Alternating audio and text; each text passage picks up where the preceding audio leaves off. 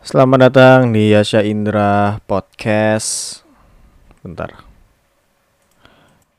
Eh, podcast yang membahas keseharian dari Yasha Indra dan eh pengennya sih podcast ini update seminggu sekali ya. Meskipun kadang telat-telatan, kadang nggak kadang telat-telatan, kadang kecepetan, kadang ya pengen sih seminggu sekali.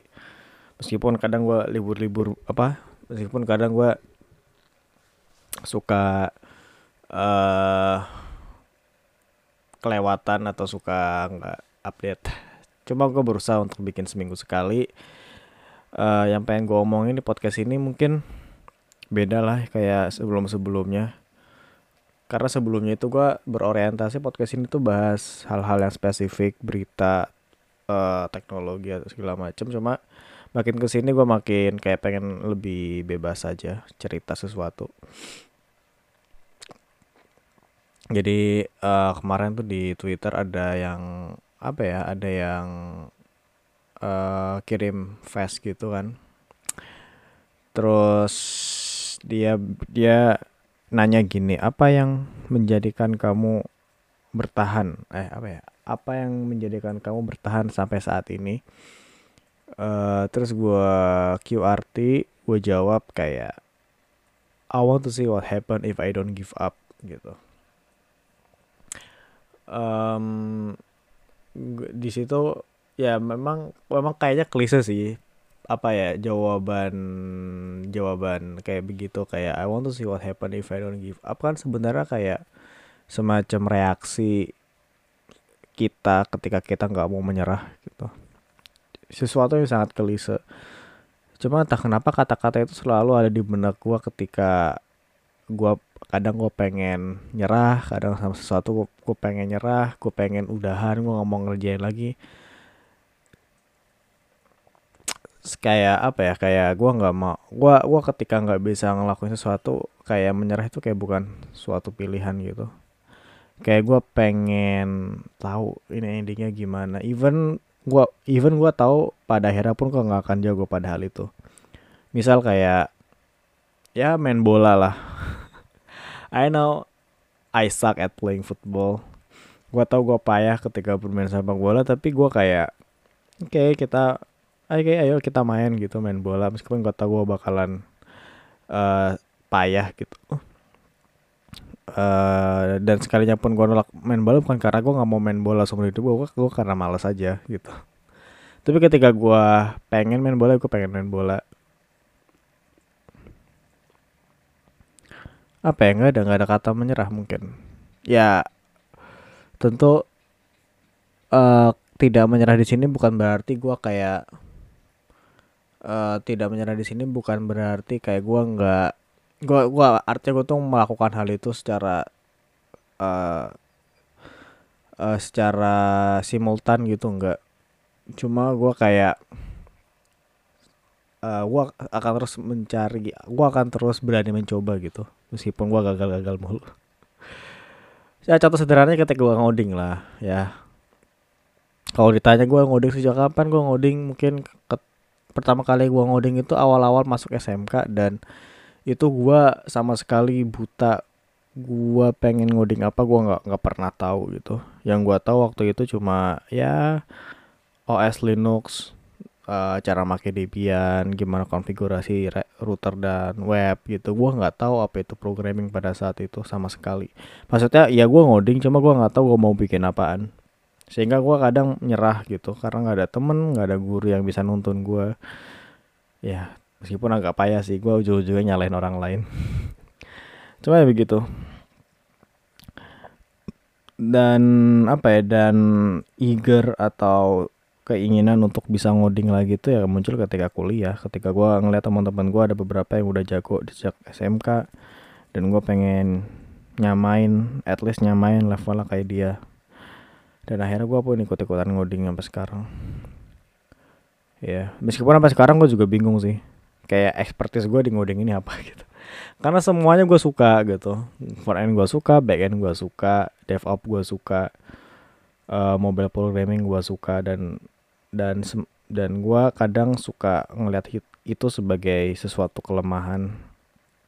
Meskipun sebenarnya kan menjadi seorang generalis tuh juga apa ya ya juga punya banyak kelebihan. Cuma entah kenapa gue selalu iri sama orang-orang yang bisa spe yang bisa specialty terhadap satu keahlian. Kayak kok bisa mereka nggak bosen gitu? Kayak mereka nggak mau mencari tahu apa ya yang lain dari ini gitu. Tapi gue mencoba untuk bisa apa ya tapi gue mencoba untuk bisa uh, fokus sama satu hal. Dan ya sangat susah sekali bung ternyata dan itu juga dan gue tahu gue gagal gue coba lagi gue gagal gue coba lagi gue coba lagi gue coba lagi. Sampai gue bener-bener tahu sampai gue bener-bener tahu kalau gue mungkin bisa berhasil gitu.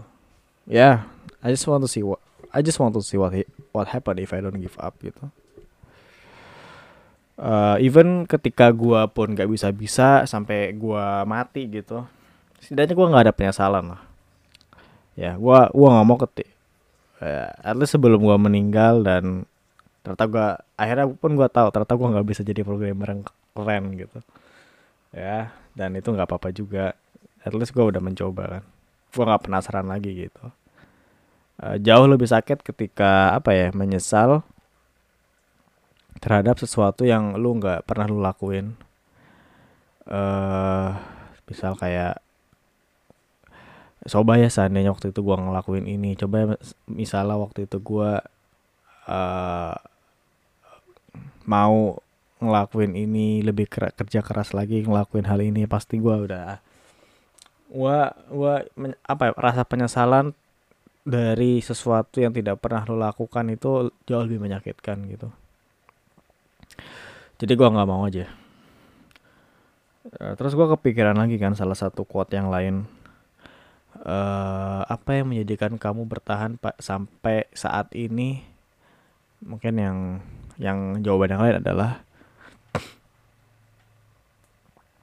uh, I have seen long enough myself as a coward and I don't wanna die as a coward. Uh, yang which is artinya gue sudah cukup lama melihat diri gue sebagai pengecut gitu dan gue nggak mau meninggal sebagai pengecut karena ya memang memang begitu gue ngeliat diri gue sendiri gitu. Mungkin dari gue SD gitu. Gue ketika misal contoh sederhana ketika gue suka sama cewek gue nggak pernah berani buat mengungkapkan dan menurut gue itu suatu tindakan yang sangat pengecut. Ya kan? Itu tindakan yang sangat pengecut kata gue kenapa lu nggak ngungkapin aja? gitu. Nggak akan ada nggak akan ada apa ya tidak ada hal buruk terjadi. Tidak akan ada hal buruk menimpa pada diri lu gitu. Supaya lu bisa confess gitu.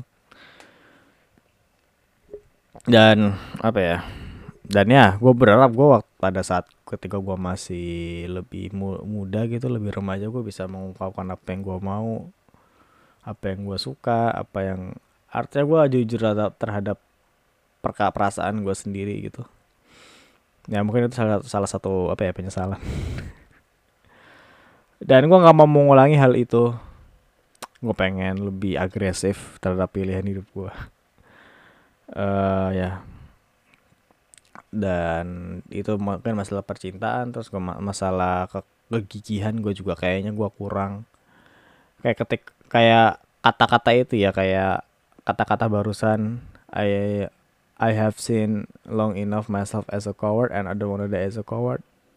Kenapa bisa terlintas seperti itu? Karena gue keingetan suatu pengalaman ketik waktu gue itu pramukaan lah TK SMP. Jadi ceritanya anak-anak SMP. Jadi ceritanya uh, kegiatan pramuka pada saat itu tuh ada semacam jambore atau kemah gitu di waduk wadas selintang ya. Lu kalau orang kebumen pasti tahu sih. Dan dan kita tuh jalan gitu di apa menuju waduk itu. Nanti di waduk itu akan ada ada danau gitu ada danau. Dan kita jalan berkilo-kilometer dan nanti kita diberhentiin di tiap-tiap pos. Nanti di tiap-tiap pos kita ada challenge gitu dan gue pura-pura sakit di salah satu pos. Gue pura-pura sakit gue pura-pura capek dan akhirnya sama pembina pembina apa ya dan akhirnya sama pembina di sama pembina pembina pramuka pada saat itu ya gue dibawa ke pos peristirahatan lah. Dan gue di sana istirahat meninggalkan teman-teman rugu gue dan akhirnya pun gue dibenci gitu ya dan gue akhirnya pun dibenci karena gue ninggalin mereka.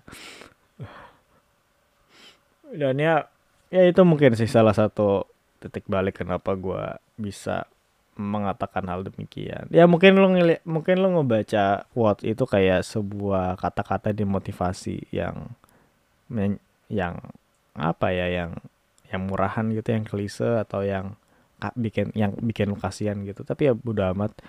Setidaknya itu kata-kata yang bikin selalu gue ya setidaknya itu kata-kata yang bikin gue selalu tetap ingin maju gitu. Gue nggak mau kehilangan kesempatan apa pun dalam hidup ini gue akan memanfaatkan se sebaik-baik mungkin. Dan uh, ya itu dia. Tapi se tapi se apa ya se banyak banyak dan sebanyak banyaknya kesempatan yang lu ambil pasti akan ada banyak lagi kesempatan yang akan lu sesali nggak bisa lu dapat gitu. Lu ngerti gak sih? Kayak lu udah mengambil semua kesempatan tapi lu akan pasti akan bisa aja menyesali kesempatan-kesempatan yang lain yang gak lu ambil gitu. Kayak lu udah memanfaatkan semua kesempatan lu ada kesempatan lu kuliah-kuliah ada kesempatan kerja lu kerja gitu. Tapi nanti ujung-ujungnya pasti ada apa ya ada kejadian di mana lu bisa menyesali hal tersebut. Dan apa dan pilihan apa pun atau keputusan apa pun yang lu ambil di masa lalu itu nggak akan luput dari rasa penyesalan gitu. Sehingga apa? Sehingga ya jangan pernah menyesal gitu. Karena apa pun pilihan hidup yang lu pilih ujung-ujungnya pasti bisa aja ada titik penyesalannya gitu kayak misal gue ngeliat ya mungkin saudara gue ada yang kerja nggak kuliah ya kan? Tentu dia bisa hidup. Tentu dia tiap bulan bisa dapat duit dan lain sebagainya. Sedangkan gue di sini kadang uh, gak terkendala masalah keuangan gitu. Tapi apa ya? Tapi ya tentu kalau disuruh menyesal mungkin bisa aja misalnya kenapa ya gue dulu nggak kerja aja daripada kuliah segala macam? Gue bisa banyak duit dan dan gue bisa banyak duit gue bisa beli apa pun yang gue mau gitu. Tapi uh, tapi seumpama apa ya seumpama gue ada di posisi saudara gue itu pun bisa aja gue menyesali pilihan gue gitu. Kayak kenapa gue kerja? Kenapa gue waktu itu nggak kuliah ya? Padahal kan enak kalau kuliah gue bisa bisa banyak belajar gue bisa punya banyak waktu buat main buat ini buat itu segala jadi kayak ya apa pun pilihan hidup lu jangan disesali lah. Karena ya pasti kita sukanya menyesal gitu. Menyesal itu jadi semacam tindakan atau mindset. Apa pun pilihannya jangan disesali. Dan gue kayak ngeliat apa ya gue dari kecil ya sampai sekarang itu adalah anak yang kayaknya selalu manut gitu sama perkataan orang tua. Dan ternyata um, manut apa ya, hasil dari manut semua perkataan orang tua juga nggak semuanya membuahkan uh, membuahkan membuahkan hasil yang manis gitu. Gimana cara nyebutnya ya biar nggak banyak orang tersinggung ya. Jadi ya intinya gitulah um, kadang gue respect ya sama orang-orang yang tahu sama pilihan hidupnya gitu kayak uh, aku ateis gitu atau aku pengen keluar dari atau aku gay. Atau aku pengen keluar kota aku pengen ini aku ateis aku ini ini apa. Itu mungkin itu contoh itu itu mungkin contoh-contoh ekstrim ya tapi misal kayak aku nggak mau les bahasa Inggris gitu. Aku pengen uh, aku nggak pengen apa ya? Aku nggak aku nggak pengen eh intinya uh, pokoknya dia punya dia dalam hatinya tuh ada semacam jiwa pemberontak dan dia tahu mau ke mana gitu. Gue lebih respect orang, -orang seperti ini. Uh, daripada dia ngikutin kemauan orang tuanya yang kadang ya pada akhirnya juga bisa aja tidak bikin dia bahagia kadang ujung-ujungnya sama-sama mengecewakan orang tuanya gitu. Dan akhirnya dia orang itu malah nyalahin semua orang gitu. Tapi kenapa anak-anak ini tuh bisa gitu milih pilihan hidupnya gitu? Kayak gue mau nggak beragama gitu. Kayak gue agnostik gitu keluar dari agama uh, eh, gue kerja gue untuk apa akhirnya gue kerja gue nggak bergantung sama orang tua gue gue menentukan pilihan hidup gue sendiri gitu. Kayak gue lebih respect seperti itu apa pun pilihan hidupnya. Uh, karena ap, karena dia memegang apa ya konsekuensi dari apa yang diucapkan gitu. Dia nggak akan seumpama ya katakan dia memutuskan untuk nggak beragama lagi atau murtad gitu.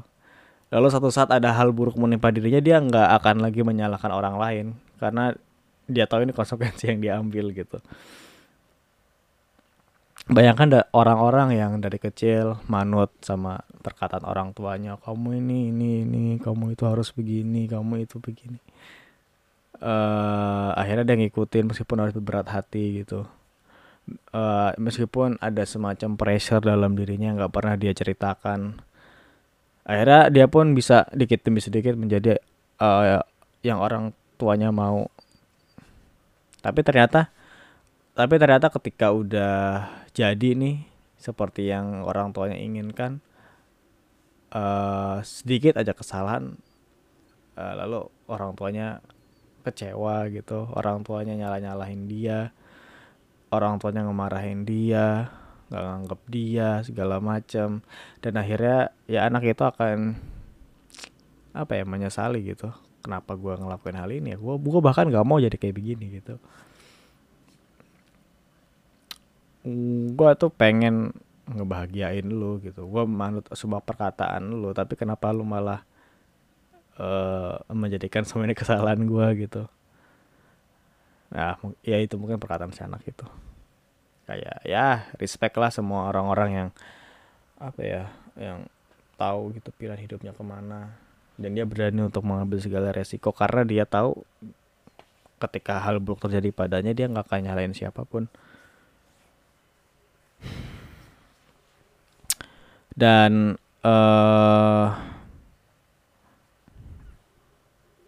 apa ya? Dan gua akhir-akhir ini gua selain ngoding ya oh ya untuk ngod kegiatan gue beberapa seminggu ini sih ngoding sih gue lagi ngulik Laravel 9 uh, sebenarnya gue semacam pengen ngerapihin tech stack apa aja yang pengen gue pakai gitu. Mungkin buat kerjaan gue atau buat apa ya software engineering secara keseluruhan.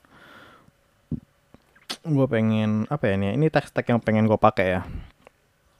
Pertama mungkin backend gue pakai PHP sih. Pakai Laravel 9 gue pengen nyoba pakai Java cuma kayak kayaknya Java dan PHP itu punya pasar yang sama gitu. Kayak gue dulu waktu PKL PKL ketika gue SMK gue ditanya kamu bisa PHP kamu bisa Java? Gitu. Kayak orang awam ngelihat programmer di Indonesia ya mereka tuh uh, top of mind itu bahasa pemrograman tuh ya PHP atau Java gitu. Entah ya mungkin mereka punya pengalaman seperti itu. Terus yang kedua eh ya Laravel 9 gue pakai backend Laravel 9 termasuk bikin API-nya terus bikin uh, apa ya semacam CMS-nya segala macam. Ya pakai Laravel 9 terus font end-nya eh, atau apa ya tampilan font end uh, gua gua saat saat ini gue pakai HTML CSS biasa mungkin ke depannya gue bakal pakai Tailwind sama SAS terus meskipun Tailwind gue ya Tailwind sebenarnya mudah sih. Meskipun gue kadang suka apa ya suka suka apa ya suka ketukar-tukar gitu sama tulisan Tailwind sama Bootstrap sintaksnya. Terus dan yang harus diperbaiki sih pemahaman gue tentang flexbox dan grid ya itu sangat tricky sekali. Gue nggak tahu ya gue gue suka gue suka bingung gitu. Flexbox dan grid terus itu untuk font end-nya HTML, CSS dan Tailwind. Sebenarnya itu bukan font end juga sih itu semacam UI apa ya? Ya UI UI komponennya ya. Sebenarnya kalau pengen uh, teknologi font yang lebih advance mungkin next sih Next.js ya Next.js terus untuk mobile gue pakai React Native backendnya tetap Laravel. Dan uh, data science dan segala hal tentang data science dan AI gue pakai Python mungkin. Ya gue pakai Python. Karena Python lebih kayaknya lebih friendly ketika ngolah data yang banyak gitu beda dengan beda dengan JavaScript. Uh, dan ya itu mungkin sekilas dari teknologi apa yang ke depannya bakal gue pakai. Ya stay tune aja lah di Instagram gue di tag of Yasha Indra. Di situ kadang gue suka update gue apa aja yang gue lagi kerjain. Dan blog gue yashaindra.com terus uh, itu mungkin kalau ngoding ya semacam produktivitas gue sehari-hari. Terus gue juga nonton nonton gue terakhir nonton belum kelar sih nonton Apocalypse Now. Itu filmnya Sofia Ford Coppola ya yang siapa sih namanya?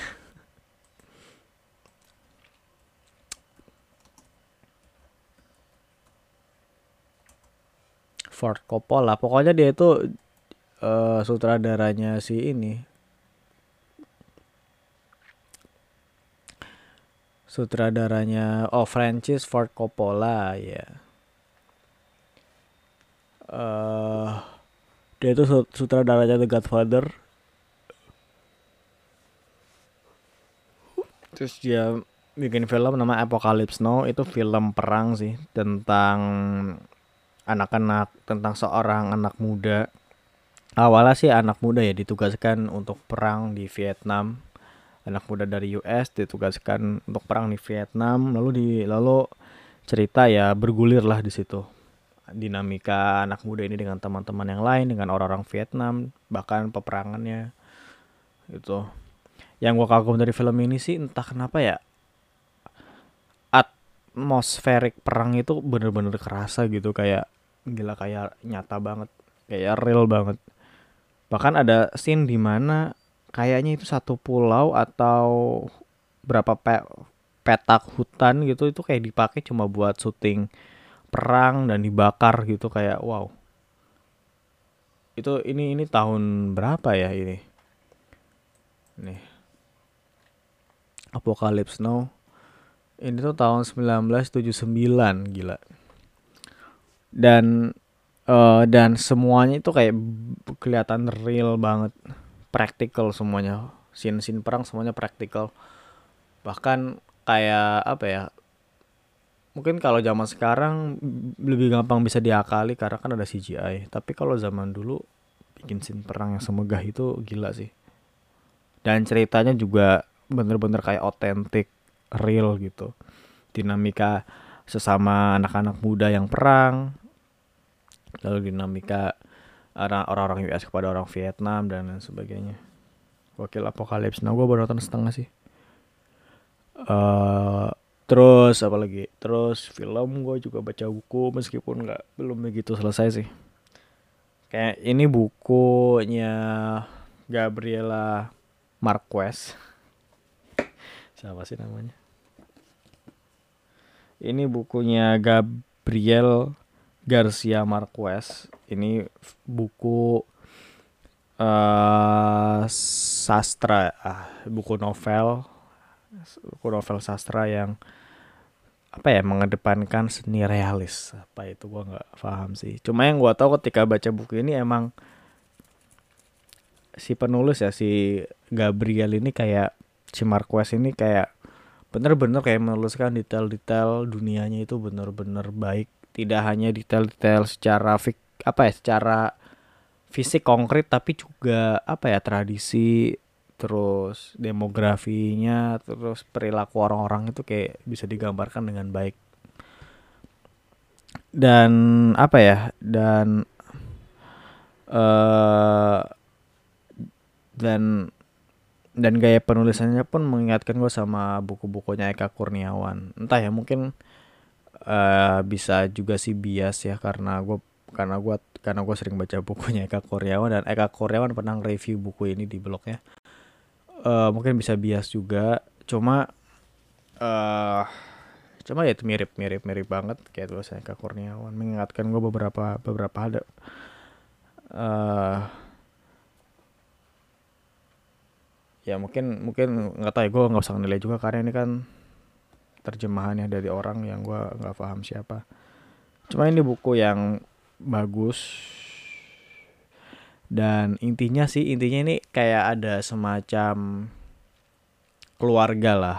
Ya keluarga tinggal di suatu desa namanya apa gitu di pokoknya suku kayak suku Mexican kuno gak sih? Entah itu hippie ya orang hippie ya apa apa sih gue nggak tahu ya. Gue gue gue lupa ya gue bacanya juga agak skimming skimming intinya gitu ada semacam keluarga kecil di suatu desa akhirnya ada beberapa orang yang lalu oh ya desa ini kayak menemukan sebuah teknologi gitu. Teknologi yang bisa merubah uh, batu menjadi emas pada saat itu ya. Terus sebuah teknologi yang bisa mengubah air menjadi es batu gitu ya pada saat itu ini kan latar kan sangat apa ya kan latar sangat latar ini kan jauh gitu dari era modern. Mungkin zaman zaman zaman zaman Yunani kuno mungkin. Yaitu dan mereka menganggap ini itu sebuah kesaktian gitu sebuah sirkus sebuah pertunjukan gitu teknologi-teknologi ini. Akhirnya uh, akhirnya ceritanya pun bergulir sampai mereka ketemu oleh suku lain. Lalu suku lain ini punya semacam budaya yang tersendiri gitu gitu sih ya, dari apa yang gue baca ya. Itu dia buku film terus uh, kerjaan mungkin mungkin sama apa ya sama musik. Ya musik gue denger musik ini sih musik uh, musiknya Radiohead. Gue masih belum bisa keluar eh dari album gue gue masih belum bisa move on lah dari al dari lagunya Radiohead yang Let Down.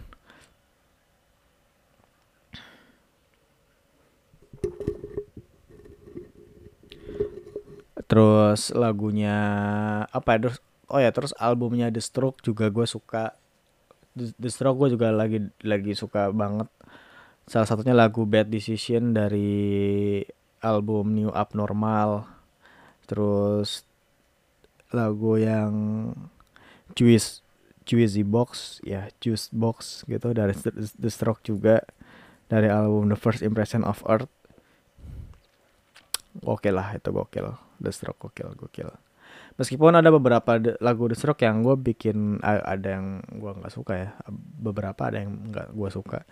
Cuma ketika gue suka lagu The Stroke tuh gue kayak suka banget gitu kayak Bad Decision, Selfless, terus Welcome to Japan, Call It Fate, Call It Karma, terus Undercover of Darkness, ada terus You're So Right gitu kayak wow. Itu itu lagu-lagu gokil sih. Gokil. Dan ya ya udahlah itu aja mungkin untuk update episode kali ini makasih udah dengar dan sampai jumpa pada episode yang lain